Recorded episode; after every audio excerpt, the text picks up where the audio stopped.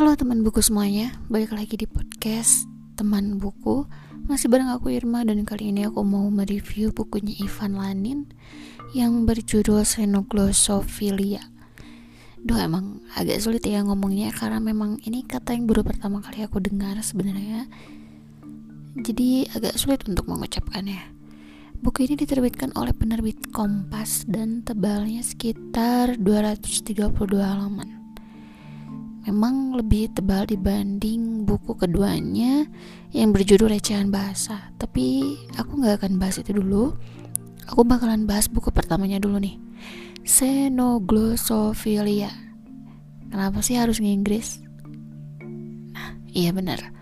Kenapa harus nginggris? Berdasarkan buku ini, kita sering sekali melihat fenomena xenoglosophilia yang mana istilah ini punya arti kesukaan yang berlebihan terhadap bahasa asing.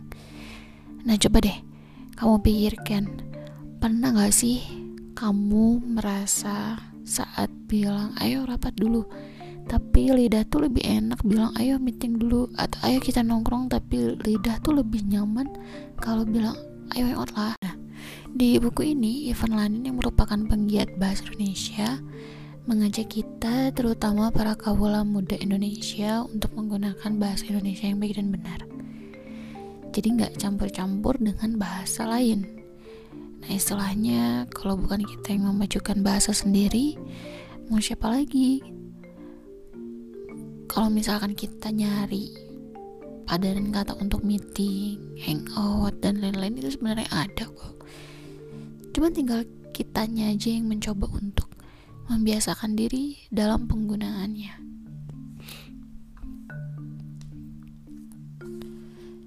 Nah, baca buku ini tuh sebenarnya cuma butuh waktu sekitar semingguan. Sebenarnya bukan karena bahasannya yang berat ya, tapi karena uh, pada saat itu ya waktu luangku cuman sedikit gitu untuk baca buku ini, jadi bisa ngabisin sekitar semingguan.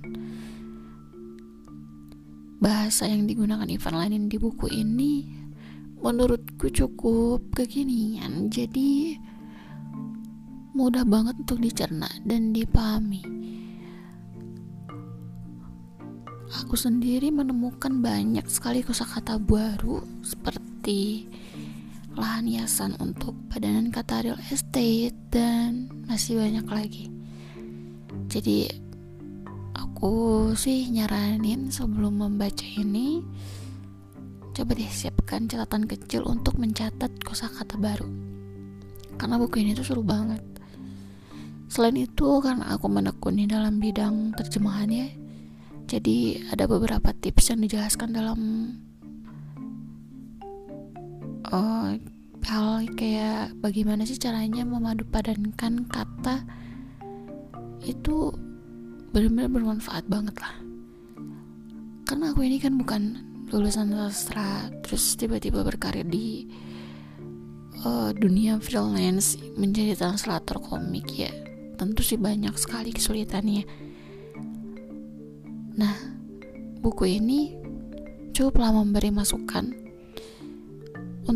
um, memadupadankan kata seperti itu gitu. Oke jadi kayak gitu aja podcast kali ini. Sorry banget nih kalau obrolannya masih kurang jelas. Thank you banget yang udah nonton Yang udah dengerin maksudnya. Thank you banget. Semoga podcast ini bermanfaat dan sampai jumpa di podcast selanjutnya.